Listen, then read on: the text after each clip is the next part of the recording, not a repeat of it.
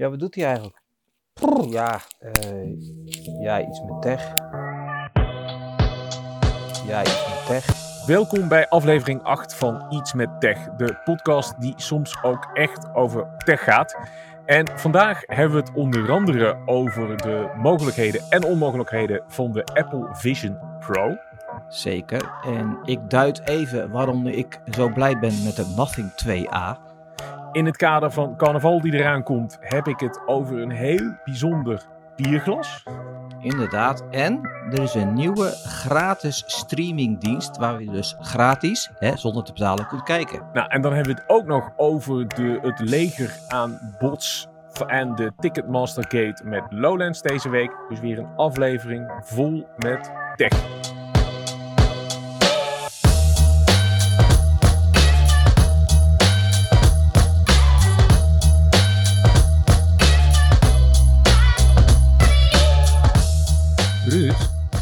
Wat zou jij doen met 250 miljoen? Zo, dat is een eh goede binnenkomer. Ja. Ik, eh, als je vaker van die tv-programma's ziet waar mensen dan heel veel geld winnen of kunnen winnen. En dan vraag ik ze, wat zou je ermee doen? Ja. En dan denk ik altijd, nou, ik zou daar echt een veel beter antwoord op hebben. En nu je de vraag stelt, denk ik, nou ja, ik zou mijn eh, huis afbetalen. Goeie? Ik zou misschien een keer op vakantie gaan. Ook goeie. Eh, En de rest op de bank zetten. Ik weet het niet. Ik Nee. ehm, heb niet, het is niet zo spannend allemaal. Nee, denk het ook. Ik zou zeker niet stoppen met werken. Ik zou, ehm, ik zou inderdaad mijn huis afbetalen. Ik zou eh, mijn auto's eh, wat geven. En voor de rest, eh, weet je wel, lekker leuke dingen doen. Maar ga zeker blijven werken. Nou, waarom ik dat zei? Omdat Joe Rogan, een collega van ons, hè, is een collega van ons. Dat is een, een podcastmaker. En die heeft in 2022, 20, 2020 heeft hij al een heel groot contract afgesloten met, eh, met Spotify voor 200 miljoen. En heeft zijn contract nu vernieuwd naar 250 miljoen. Dus we moeten nooit meer tegen elkaar zeggen dat er geen geld te verdienen is met podcasten. Ehm, Wat een bedragen. wat een bedragen. Dus voor de luisteraar, wij verdienen hier nog eh, geen geld mee, no- nog geen dubbeltje. Eh, het kost ook bijna niks hoor, dus we doen het, we doen het eh, puur omdat we het leuk vinden. Nee, maar het is, het is wel echt. En, en ja, dit is nu de achtste aflevering die wij samen opnemen. Ik, Ja. ik heb wel een beetje weer de begintijd, Android World vibes. Ja. Dat wij samen weer eh, Ja, ja, eerst leuke dingen met tech aan het doen zijn. In, de in de leegte schreven, nu, lullen we in de leegte. Maar dat maakt helemaal niet uit, weet je, dat komt allemaal goed. Wij hebben gewoon nu al een trouwe fanbase van luisteraars en dat gaan wij uitbreiden. Dus zegt het voort, eh, iedereen die luistert in de auto of eh, in de sportschool. Maar goed. Anyhow, Joe Rogan, gefeliciteerd. Eh, als je investeert, wilt investeren in onze podcast, dan kun je mailen naar podcast.ietsmettech.nl en we, we can talk English, no problem. Ehm Ruud, het, het, het, eerste topic wat ik wilde aanhalen eigenlijk, eh, dat, dat, dat raakt jou misschien iets meer dan mij, want jij, jij bent nu een Apple fanboy. Nou, nou chargeer ik een beetje. Nee, maar die Apple Vision Pro, eh, die is in de, in de verkoop gegaan. En eh, zonder dat, ik, ik heb daar heel veel over te zeggen, maar ik wist eerst van jou horen wat jij daarvan vindt. Nou, dat is ook een eh, product dat ik misschien zou kopen om het te ervaren als ik die 250 miljoen had. Maar dan moet dat is ook wel de ondergrens van het bedrag dat ik nodig heb om het te kunnen kopen. Ja, wat vind ik daarvan? Ik denk dat, dat de visie achter de Apple Vision Pro best wel ver vooruit is al, maar dat de hardware en de mogelijkheden er nog niet echt zijn. En omdat Apple erachter zit, heb ik er op zich wel vertrouwen in dat de tweede of derde versie echt hele vette dingen kan. En wat ik niet hoop, is dat er een beetje een Google Glass verhaal wordt. Waarbij ze kunnen laten zien wat ze kunnen. En waarbij de, de technologie eigenlijk de, de, wereld nog te ver vooruit is om überhaupt te landen en groot te worden. Maar ik vind het interessant. Ik heb er de laatste tijd veel over voorbij zien komen sinds dat die eh, officieel op de markt is. Met foto's van mensen die eh, over zebrapaden lopen met zo'n ding op en hun eh, geprojecteerde ogen daarin. Mensen die met dat ding op gaan autorijden. Ik dus snap dat het een uitdaging is als iemand zegt, doe het niet en dan toch lekker autorijden. Maar ik vind het... ehm, Ja, ik, ik heb er wat toffe dingen mee gezien, maar ik, ik ben ook nog een beetje sceptisch dat de wereld er klaar voor is op dit moment.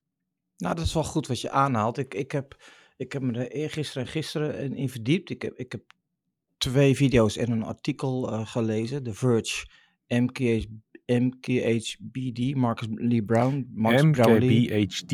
MKBHD. Hm. De grootste reviewer ter wereld met zo'n handle. Ik vind het fantastisch. En eh, Casey Neistat. ehm, die van The Verge, daar kwam ik, die heb ik bijna helemaal uitgelezen, maar ik kwam er niet doorheen. Ehm, ik, ik vond, nou ja, die van eh, Marcus Lee, die, ja, ja, die jongen is gewoon fantastisch. Die kan zo goed vertellen. En ehm, ja, die legde ook wel de, zere, de vinger op de zere plek, maar ook wel haal, haalde de positieve dingen eruit. En wat jij zegt is waar, is, is, is dat het is een eerste keer... Nee, ik wil even verder terug. We hebben, hij haalde het aan en ik, wij zijn, we zijn heel erg kritisch geweest op Apple de laatste paar jaar, omdat ze zo weinig vernieuwend waren. Ze hebben natuurlijk, als bedrijf hebben ze een aantal eh, productcategorieën totaal vernieuwd. Hè? Natuurlijk de smartphone, eh, de, de, de tablet, eh, ook wel de headset, ook wel eh, de watch. eh, en de laatste paar jaar was het allemaal een beetje pap en nat houden. Zeker onder, onder de nieuwe CEO, die alleen maar voor winst ging en niet voor de innovat- innovativiteit. En nu zijn ze echt een nieuwe categorie begonnen. En dan kun je zeggen, ja, maar de Quest en zo, die was er ook al. Maar dat zijn andere, dat zijn virtual reality brillen en geen augmented reality brillen. Augmented reality wil zeggen dat we een overlay hebben op de, op de, op, op de, wereld, zoals we, die, eh, zoals, zoals we die zien. En dat hebben ze dus geprobeerd te maken met die Apple Vision Pro. Dus kudo's naar Apple dat ze daar zoveel geld en tijd in hebben gestoken. Eh, die beeldschermen aan de binnenkant schijnen echt waanzinnig te zijn. Die hebben zoveel pixels, dat is, dat is echt, echt bizar. Ehm, maar inderdaad, ehm, wat we eigenlijk wilden bereiken, en dat is niet de beeldscherm aan de binnenkant, maar die, dat pass-through, wat ze dat noemen. Hè? Dat je dus door, de, eh, door, het, door het scherm naar buiten kijkt en alles om je heen ziet, maar dat daar een overlay over is met die schermpjes. Dat is nog niet gelukt. Dat is wel gelukt voor degene die de bril draagt, maar niet gelukt voor degene die eh, met jou praat. Want inderdaad, zoals jij zei, eh, wat ze allemaal zeggen, eh, Marcus Lee, The Verge, noem maar op. Ja, die projectie aan de buitenkant, dat, dat slaat echt helemaal nergens op. Dus, dus je ogen worden zeg maar. Kijk, wat je aan de binnenkant ziet, ziet dat zien de camera's. Er zitten aan de buitenkant camera's, die zijn hartstikke goed. Die, vertalen één op één wat je ziet. En je ogen geloven dat ook. Dus het is net of je er doorheen kijkt, maar je kijkt eigenlijk naar televisie. Maar voor de andere kant hebben ze een soort heel goedkoop, nou goedkoop, displaytje aan de buitenkant gemaakt. Die jouw ogen laten zien. Maar dat zijn ook niet jouw ogen, dat zijn geanimeerde ogen. Dus die worden gescand, die worden nagemaakt en gedisplayed op de buitenkant. En dat ziet er echt niet uit. Plus dat, eh, dat, dat, dat glas, dat glaert, hoe noem je dat? Dat, dat weerkaatst met licht, dus het is, het is niks. Ja, precies. Terwijl in de, in de marketingmaterialen was dit natuurlijk de, de functie. Het zag er super vet uit. Beetje het skibril idee met daarin je echte ogen. Ja. Maar dat bleek nogal tegen te vallen. Ja, en, eh, maar dat, dan kun je zeggen, ja, dan het ding is dus waardeloos. Dat is, dat is, dus, dat is dus niet waar. Want het, is, het is, schijnt echt een, de technologie, technologie schijnt echt prachtig te zijn. Alleen, zij worstelen natuurlijk met het feit dat ze, dat ze een mobiele willen maken. Dus je hebt een accu eh, in je zak zitten. Dat is echt een, een uitkluitige als powerbank. Maar daar kan je ook anderhalf uur mee doen. Maar die, je kunt hem ook op het netstroom aansluiten of gewoon verwisselen van accu. Dat kan allemaal. Eh, en wat eh, ook nog een probleem was, is dat je hem er zitten twee banden bij. Dus een band die gaat achter je hoofd, die mooie gebreide band die je altijd zeg maar op de plaatjes ziet. En eh, er is echt zo'n band die ook bij de Quest zit, en zo die je soort over je hoofd heen gaat en die je haar, eh, die je haar in de war maakt. Nou, daar hebben jij en ik niet zoveel last van, want ik heb Nee. lang haar en dat is sowieso een zootje en jij hebt geen haar. Eh, maar goed, bij andere mensen is dat wel een, is dat wel een probleem. Ehm, eh, en hij wordt dus zwaar. Dus als je die, eh, die, die, die gebreide band om je hoofd hebt, dan wordt hij dus zwaar. Zeg je na, na een uur, dan gaat hij op je jukbenen drukken en dan, dan, eh, dan wil je het meer. Het derde punt dat hij noemde was de apps, dat er nog maar 600 apps waren die speciaal voor de Apple Vision Pro zijn gemaakt. Je kunt heel veel apps gebruiken, maar die zijn dan niet gemaakt voor de Apple Vision Pro. Geoptimaliseerd. Ja, ja. Ehm, eh, heb jij die voorstellen gezien voor nieuwe apps? Dus wat, wat je ermee zou kunnen doen? Die Formule 1 app? Nee, eigenlijk niet. Nee. Nee. Dus eh, in het artikel op Notie zit een filmpje daarvan. Heeft, iemand heeft dus een, een voorstelling gemaakt van zo zou de Formule 1 app eruit moeten zien. Dus dan, dan kijk je dus televisie door de pass-through. En dan voor de televisie eh, is dus een, een, een virtuele voorstelling van de track. En zie je dus de auto's rijden. Dus zie je real-time de posities. En daarboven zweven allemaal kleine schermpjes met die eh, cockpit views die je hebt, zeg maar, die normaal altijd. eh, dus dus dat, ja, dat zag er echt zo vet uit. Maar dan, dan, dan kijk je dus zo naar de, naar, de, naar, de, hè, naar de televisie. En dan kun je ook hier zo kijken, zie je de autootjes rondrijden. En dan rechts zie je ook inboard van, uh, van Max Stappen. Links zie je de stand zo. Dat is echt waanzinnig. En het tweede was, en die, die, vond, ik, die, was, die vond ik echt super tof. Dat was zeg maar een spelletje voor bij het stofzuigen. Dus als je ging stofzuigen oh, die heb ik met gezien, die ja. bril op. En dan moest je dus, moest je dus allemaal uh, gele balletjes opzuigen. En als je die allemaal opgezogen had, had je dus echt letterlijk heel je huis gestofzuigd. Ja, kijk, dat, dat is cool. Weet je, de moderne Pac-Man op de, op de Vision Pro. Ja, ik, vind het, ja. ik vind het heel vet. Wat, wat natuurlijk wel is met, uh, met de Apple Vision Pro, is dat die uh, niet goedkoop is. Nee. Hij kost uh, 3500 dollar. Ja. Wat zou jij daar vandaag voor over hebben om dat te, te gebruiken? En dan moet je heel even, je, je, ik wil dit testen en proberen, even, even aan de kant zetten. Dus niet vanuit een professioneel oogpunt, maar als consument. Wat zou jij dit vandaag waard vinden als je hem überhaupt zou willen kopen? Kijk, dat is, Ruud, dat is een hele goede vraag. Wat, wat dat, mensen denken heel erg dat dit uh, een entertainment ding is, maar dat, dat, dat is niet helemaal zo. Want um, de, de, dit wordt net zo belangrijk als de smartphone voor ons is. En de smartphone die gebruiken we de hele dag. Dus we gaan die bril ook gewoon echt de hele dag gebruiken. Alleen, we hopen natuurlijk in de toekomst dat het een bril is, net zoals jij nu op hebt. Dat het gewoon een, een casual bril is waarmee je kunt, uh, waarmee je die, die, uh, die schermen kan zien. Uh, Marcus Brownlee die zei ook van, ik kan dus in principe in het vliegtuig, kan ik dus een video gaan bewerken. Dus ik, zit, ik heb dat ding op en ik kan dus zeg maar mijn Adobe, uh, mijn Adobe Premiere Pro voor de ogen halen en daar een video in bewerken zonder dat iemand iets ziet. Het, wordt dus, het is dus de, de toekomst van computing, zoals uh, Neistat ook zei. Want die zat op Times Square en daar zat hij dus gewoon op de Square zat hij een video van Mr. Beast te kijken. Links was hij een vriend aan, te uh, aan teksten. En, en weet je, dus hij zegt, ja, dit is echt de toekomst van computing. Um, daar zijn we natuurlijk nog lang niet. Dus wat heb je dus voor over? Kijk, een goede laptop kost ook 1500 euro. Dus, um, dus als we deze eerste drie, vier iteraties hebben gehad, waarin dat ding dus kleiner wordt, makkelijker, dan zou ik het denk ik, vanaf 2000 euro zou ik er wel eentje gaan aanschaffen, denk ik. Dat was een hele lange nou ja, introductie voor een heel simpel antwoord, maar de- 2000 euro. Ja. Nou, ik, ik weet nog dat toen Google Glass op de markt kwam, of nou op de markt, dat, dat was nog een eh, veel exclusiever invite systeem dan, eh, dan dat OnePlus eh, had, waar wij Ja. het ooit over gehad hebben. Ja. Ehm, dus ik heb me daar ook ooit voor aangemeld en je kon dan weer geïnvite worden door andere mensen die wel al een Google Glass hadden.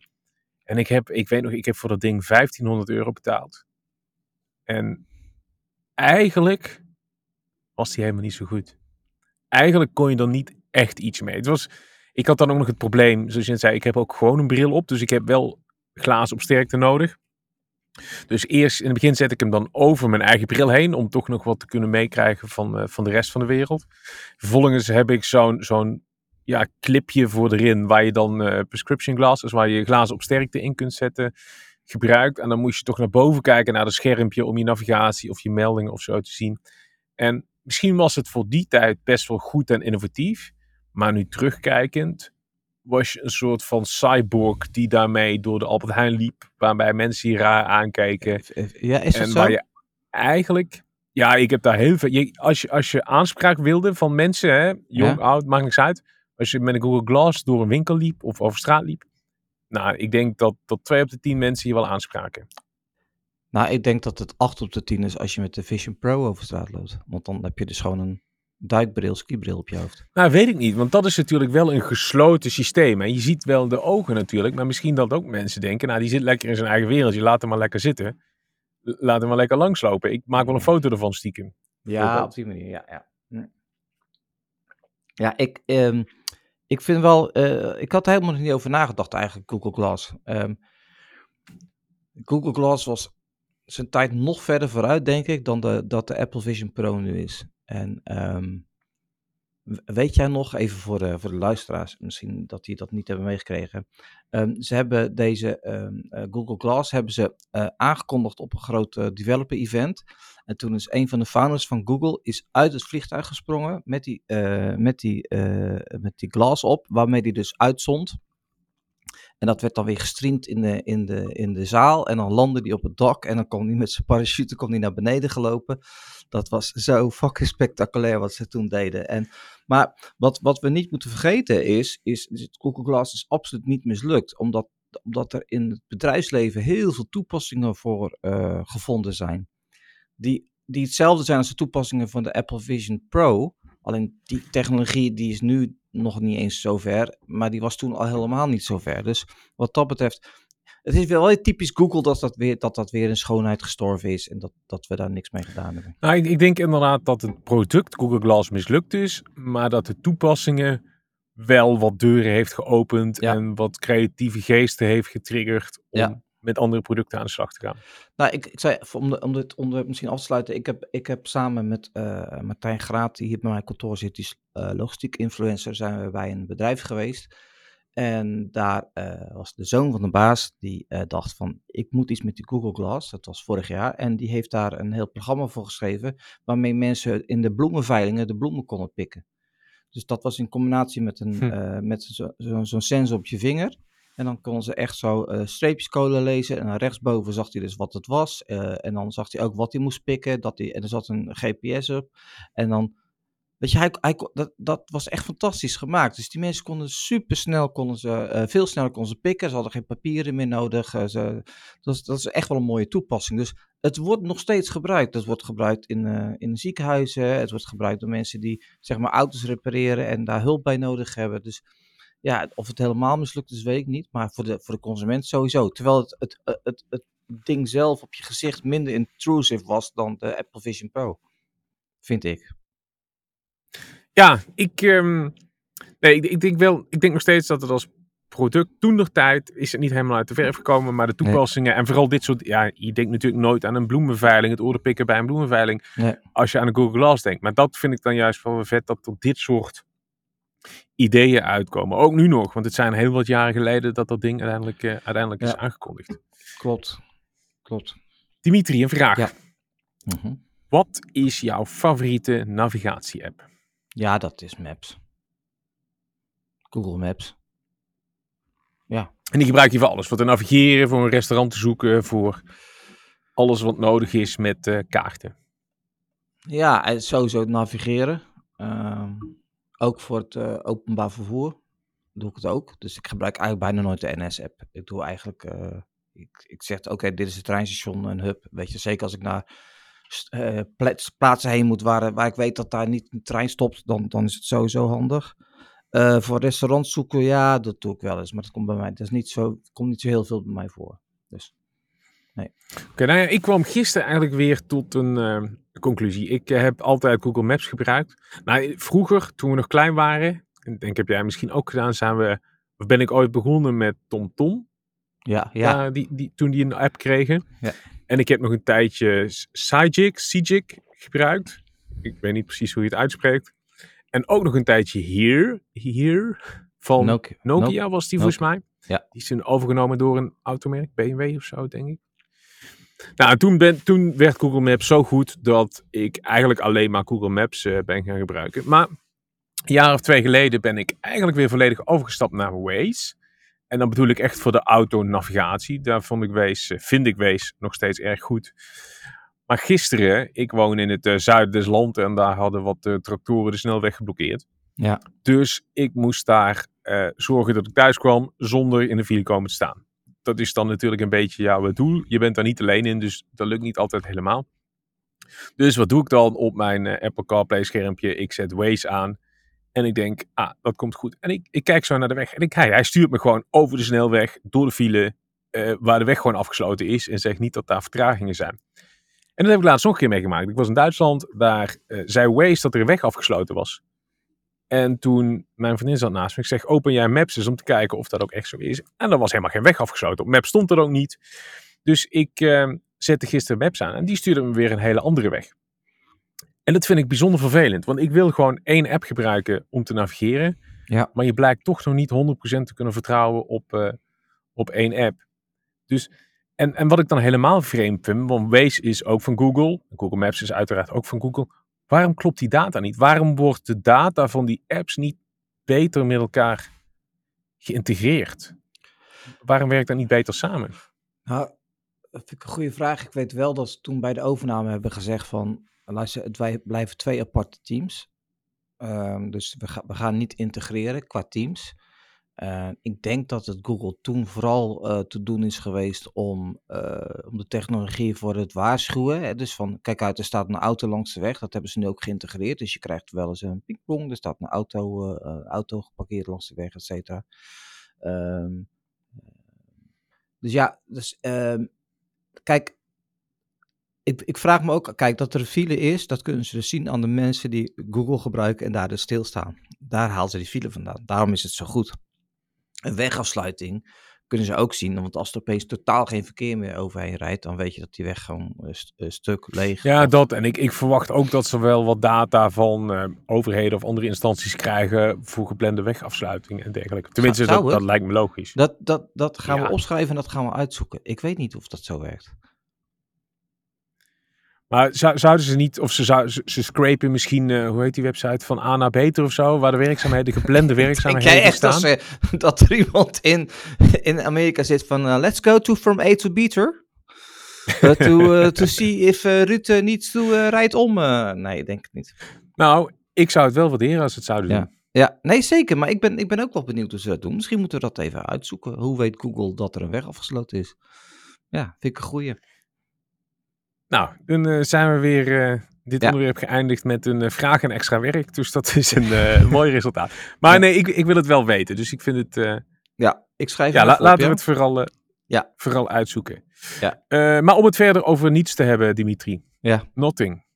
Ja, nothing. Ehm Ruud, jij weet, ik ben een sokker voor, voor, voor, voor branding. Dat vertel ik altijd. Dat heb ik vorige week voor mij ook al verteld. Eh, ik vind, het, het, het, ik vind het, een product mooi, maar de hele beleving daaromheen, dat vind ik ook heel erg mooi. En daar ben ik van. En eh, Nothing is opgericht door Carl. En Carl is weer de oprichter van OnePlus. En OnePlus is het merk waar wij vooral in onze begintijd heel erg enthousiast over waren. Want die werkte met het uitnodigingssysteem. Die maakte, eh, veel, je kreeg veel tech voor weinig. Dat was toen echt bijzonder. Nou, eh Carl is weggegaan bij OnePlus omdat het allemaal een beetje, het ging niet meer naar zijn zin. Eh naar verluid was hij bezig met die Noord-serie. En dat zou dan zijn ding, dat zou eigenlijk apart merk worden. Maar dat hebben ze toen niet meer gedaan. Toen heeft hij gezegd van, joh, luister eens, ik stop ermee. Ik ga iets nieuws beginnen. En toen heeft hij heel lang over de merknaam nagedacht. En toen zei hij op Twitter van, I thought about a new name and I came up with nothing. En dat was toen zijn merknaam. Nou, daar word ik al intens gelukkig van, Ruud. Dat vind ik zo mooi, want iedereen die bij Nothing werkt, heeft ook al altijd, ja, het wordt nu een beetje leem natuurlijk, een- zo'n zo'n zinnetje op zijn LinkedIn profiel staan, working on nothing and doing nothing all day en dergelijke. Maar het biedt zoveel, het biedt zoveel mogelijk, die naam biedt alleen biedt al zoveel mogelijkheden om dingen te doen. Nou, ook de hele, het, hele, het hele branding, het is heel erg eh, eh, industrieel wat ze doen met, met, met inktvissen en weet ik veel, eh, kevers en wat er allemaal niet is. Nou, zij maken dus een, een, een, ze zijn begonnen met een smartphone, ze hebben eh, een headset, een smartphone, een tweede smartphone die een stuk beter is, waar ook een Snapdragon in zat. En ze hebben nu aangekondigd dat er een goedkopere versie eh, van de Nothing 2 komt, de Nothing 2A.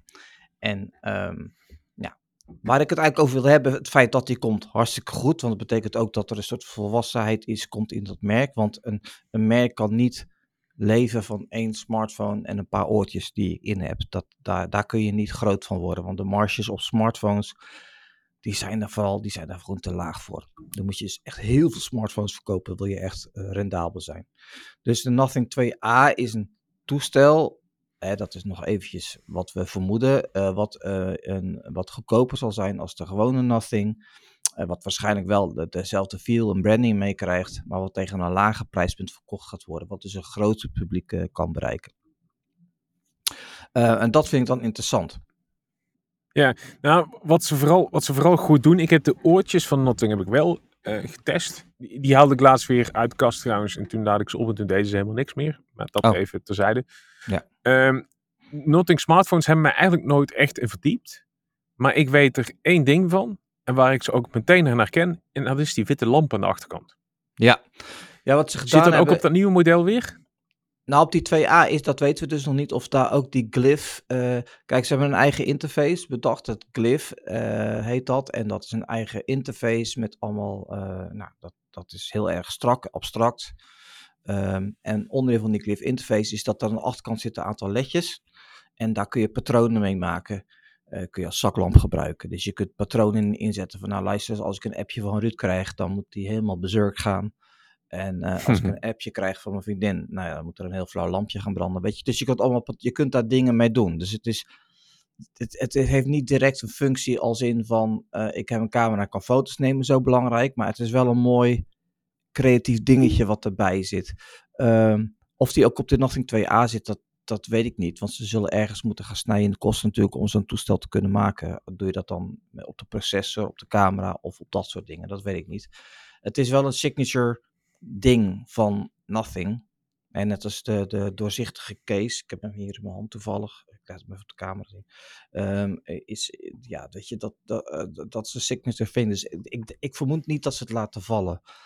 Maar uh, ik had het trouwens gisteren nog met iemand over, uh, over, over Nothing en welk publiek het aanspreekt. Dus zijn denk ik vooral de, de tech-savvy gasten en toch misschien ja. ook het wat jongere publiek. Want ik denk dat uh, mensen, ja, misschien ook al van onze leeftijd of iets ouder, als die in de winkel lopen en die kunnen kiezen tussen een Nothing, een, een, een, een Xiaomi en een Samsung, zullen ze nooit een Nothing nemen, want dat, dat, ja, dat kennen ze niet. En wat de boer niet kent, dat vreet hij niet. Dus dat, ja. Dus ik, maar ik vind het, ik vind het, ik ben, ik vind het zo intrigerend hoe dat, hoe, dat, hoe ze dat met die merkbeleving doen. En uh, ik ben er ook wel kritisch op hoor. Ik heb, ik, ik heb ook wel eens met de PR-manager een heel kritisch gesprek gehad over hoe ze een bepaald event hadden aangevlogen, wat ik dan stom vind. Dan zeg ik dat, ik vind het stom. Uh, maar dat vind ik gewoon interessant. Ik denk dat er nog meer kansen zijn. Kijk, achter de schermen moeten die mensen ook gewoon keihard werken om de telefoons te verkopen. Hè. Dan is het ook gewoon weer een bedrijf. Maar voor de schermen, die merkbeleving vind ik echt fantastisch. Ja, nou, de Notting 2A komt eraan. En, ja. Nou, ik ben inderdaad wel benieuwd wat dat, uh, wat ja. dat gaat worden. Ja. Um, ik zag deze week ook dat Eurovision Sport aangekondigd werd. Okay. Dat is een gratis streamingdienst. Gratis? Waarbij, hoe raad je het, heel veel sport uitgezonden wordt. Aha. Ik vond de naam een beetje verwarrend, maar er staat sport achter, dus dat zal wel duidelijk zijn. En wat ze gaan doen, is ze gaan heel veel uren sport uitzenden. Maar wat daar vooral interessant aan is, is dat ze dat helemaal gratis doen. Dat is zeker ik, oh, dat is interessant. Als niet-sportkijker dacht ik, nou, wat zouden ze dan uitzenden? En waar zou de gemiddelde uh, kijker dan gratis naar willen kijken?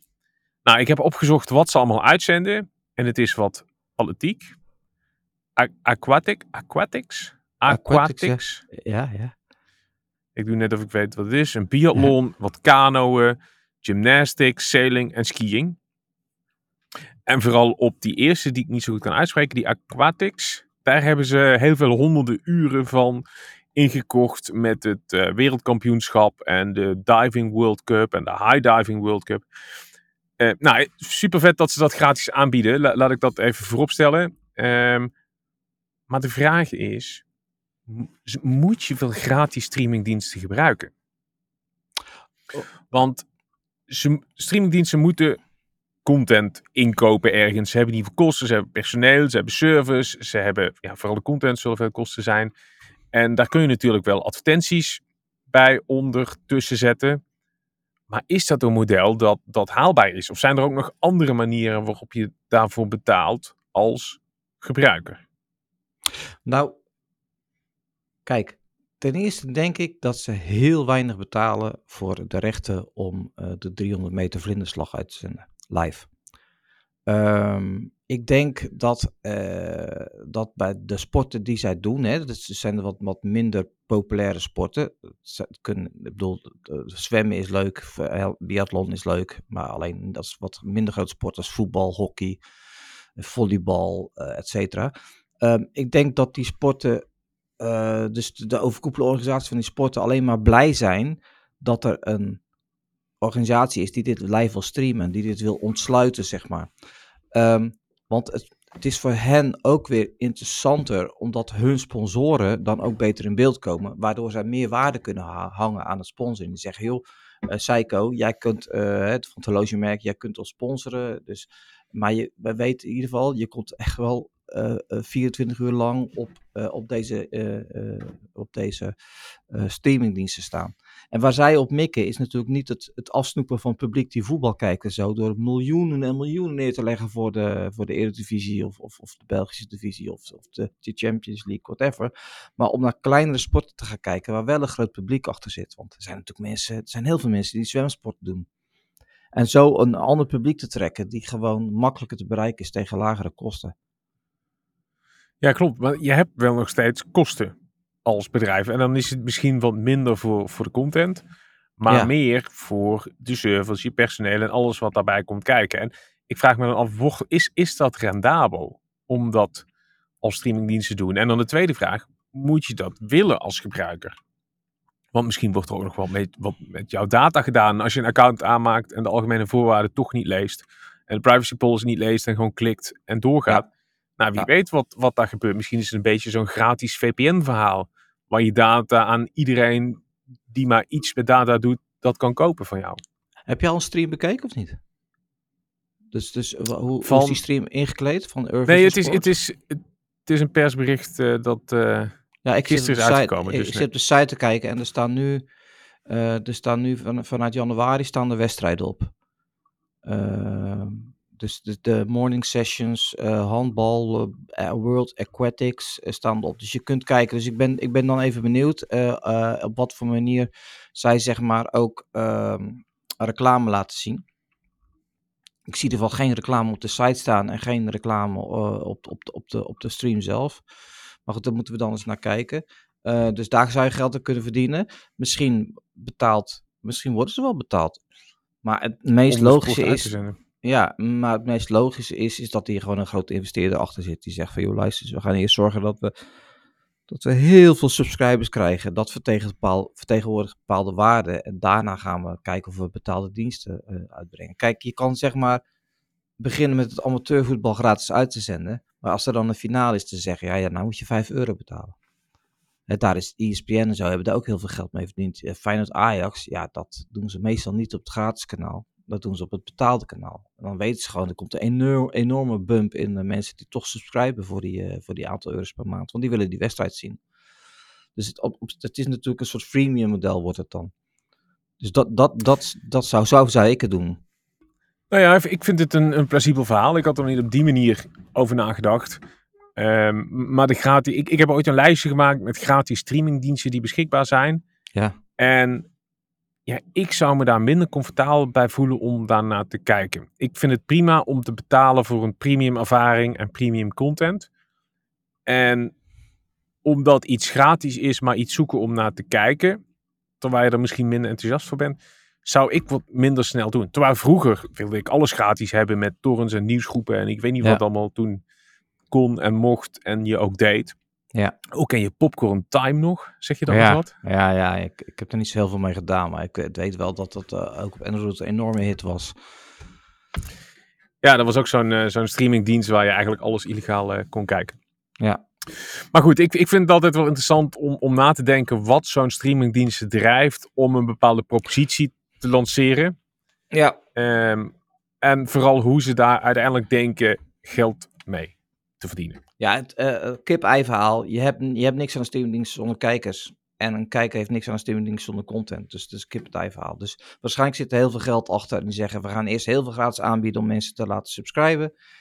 Uh, uh, waarschijnlijk kunnen ze dan ook wel profielen bouwen in de zin van, jij kijkt die en die sport. Dus ja, we gaan jou reclames laten zien van een, een watervolleybal of whatever, wat voor sport het is dat zal wel niet. Maar in ieder geval, ze gaan wel, ze gaan wel een soort profiel van je bouwen. Maar dat, dat, dat weet iedereen dat dat gebeurt. Uh, maar ja, ik ben benieuwd. Ik ga eens kijken, Ruud, naar de, uh, de 400 meter vrije slag met hindernissen. Nou, ik uh, ben benieuwd naar jouw eh, ervaringen. Ja, dankjewel, Ruud. Fijn. Hey, ik ehm, woon in het zuiden van het land. Ik zeg dan elke aflevering een keer, dus dat is van niemand een verrassing meer. Maar op het moment dat wij dit opnemen, is nog een dag of uh, vijf totdat de carnaval begint. En ja. ik vier dat ook. Ik doe ook wel een beetje carnaval. Okay. Ja, ook. En bij carnaval drink je ook wel eens een biertje of twee of drie soms.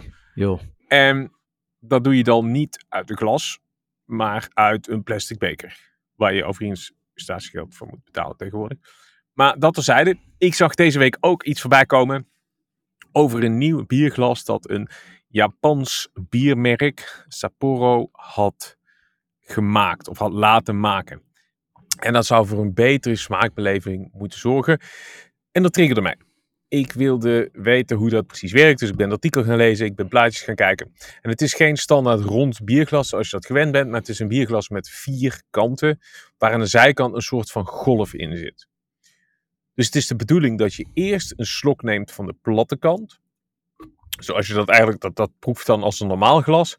Vervolgens draai je het glas een kwartslag en dan neem je van een andere kant een slok. En vervolgens draai je hem weer uh, 180 graden. En dan neem je van de laatste kant. op die manier komt het bier op een bepaalde manier in je mond, op je tong. Waardoor de smaakbeleving van het bier anders of beter zou zijn. Nou, ik weet eerlijk gezegd niet of ik dat zelf zou proeven, ervaren. Zo, zo ervaren ben ik nu ook wel niet in het, in het fijn proeven van bier. Nee. Maar ik wil dit glas proberen. Het lijkt me gewoon leuk om, om een keer een dergelijk product, waar een, een product dat al ja, jaren hetzelfde is. Het is gewoon een glas. Het heeft natuurlijk wat verschillende vormen. En, en alleen niet zo extreem aangepast als, uh, als deze variant. Dus um, nou ja, nog vijf dagen. En uh, wie weet uh, komt de post uit Japan heb je hem besteld? Snel en kan ik hem. Nee, nee, ik heb hem niet besteld. maar ik, het zou, carnaval zou daar denk ik ook niet het beste moment voor zijn. Nee. Maar ik, eh, ik, ga kijken of die eh, ergens in de buurt te verkrijgen is in ieder geval. Ik wou net zeggen, carnaval is niet het moment waar je de verfijnde smaak van een Sapporo biertje gaat. Dat is meer keilen en doorgaan. Dus ik ben ook heel benieuwd hoe jij verkleed gaat naar carnaval. Ik, um, nou wie weet komt daar een foto van. Als een USB-stick. Op onze socials. Als een USB-stick. Dat uh, zou een optie zijn. Om een beetje in de, in de, uh, in de, hoe heet dat, in het thema te blijven. Hey, um, um, um, tik, ik zie ook Ticketmaster Lowlands staan. Wat, ben jij een Lowlands ganger? Totaal niet. Nee, ik ook Maar ik vond het wel heel interessant wat er deze week gebeurd is bij, uh, bij Ticketmaster. En dat is natuurlijk iets dat, dat vaker gebeurt. Nou, wat, wat er eigenlijk aan de hand was en wat er bij meerdere uh, verkopen van tickets aan de hand is dat er heel veel bots gebruikt worden om tickets te reserveren, om die zo op, um, ja, eigenlijk door te verkopen voor een veel hogere prijs. Want ook Lowlands dit jaar was 15 minuten, was die volgens mij uitverkocht. Er stonden honderdduizenden mensen in de wachtrij. En als deze bots dan zo, ja, een, een grote hoop tickets opkopen, ja, dan hebben andere mensen die wel gewoon goede bedoelingen hebben en die netjes een wekker hebben gezet om achter de laptop in de wachtrij te gaan zitten, die lopen die tickets gewoon mis. En dat is natuurlijk een gevecht dat voor eeuwig door zal gaan. Ticketmaster die bouwt weer een nieuwe beveiliging in en de botmakers die zorgen weer dat ze dat kunnen omzeilen en dat ze toch veel tickets kunnen krijgen. Dus wat ze nu hebben gedaan bij deze verkoop van Lowlands is dat ze ja, eigenlijk heel actief met de bots, ze hebben ze zelfs manueel moeten blokkeren allemaal, uh, hebben opgespoord en vervolgens de tickets terug hebben gehaald. Dus niet hebben verkocht aan de mensen die die bots hebben uh, ingezet. En dat heeft geresulteerd dat er een, een 7000 tickets weer terug in de verkoop kunnen. En daar is een speciale datum, volgens mij, mij 10 februari gaan die weer verkocht worden. Zodat mensen die uh, nu misgegrepen hebben, misschien toch nog een kleine kans hebben om dat, om dat te doen. En ik vind dat wel, uh, wel fascinerend dat er zoveel bots ingezet worden om tickets te kopen. Maar is je, je, als je een ticket koopt, moet je toch een, is op naam toch tegenwoordig of niet? Zover zit ik er niet in. Nee, want je, je gaat dan denken, oké, okay, hoe kun je dat tegengaan? Is dat elk ticket verbonden moet zijn aan een uniek persoon. En um, nou goed, dat zullen heel veel van uh, de, de, de complotmensen niet leuk vinden. Maar elk persoon heeft een unieke code. Hè? Dat is een uh, BSN-code. Dus dat lijkt me dat dat dan makkelijk is om, daar, uh, om dat uniek te houden. Ja, maar dan zou je dat weer moeten verifiëren met bijvoorbeeld een DigiD. En ik kan me niet voorstellen dat een ticketbedrijf DigiD's moet willen of moet gaan gebruiken. Want ik denk dat heel veel mensen denken, nou, ik ga geen ticket meer kopen. Nee, Kijk, een ticketbedrijf die zal het echt zijn dinges roesten uh, aan wie die verkoopt, als hij maar verkoopt en snel.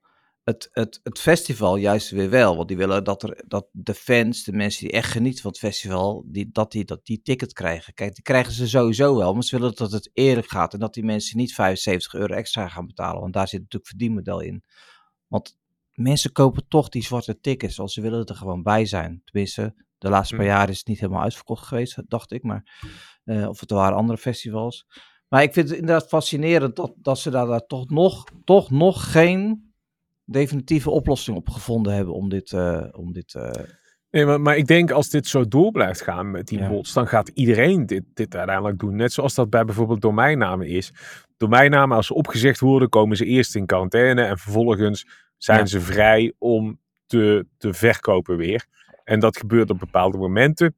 En als jij als mens achter je laptop bij eh weet ik, transip.nl zit om je domein te registreren als dat Ja. vrijkomt, ja, nou, de, jij moet klikken, je moet afrekenen, je moet alles invullen. ja, Nou, op het moment dat jij dat gedaan hebt, die 30 seconden die dat duurt, nou, zo'n bot kan er een paar milliseconden doen, bij wijze Ja. van. Ja.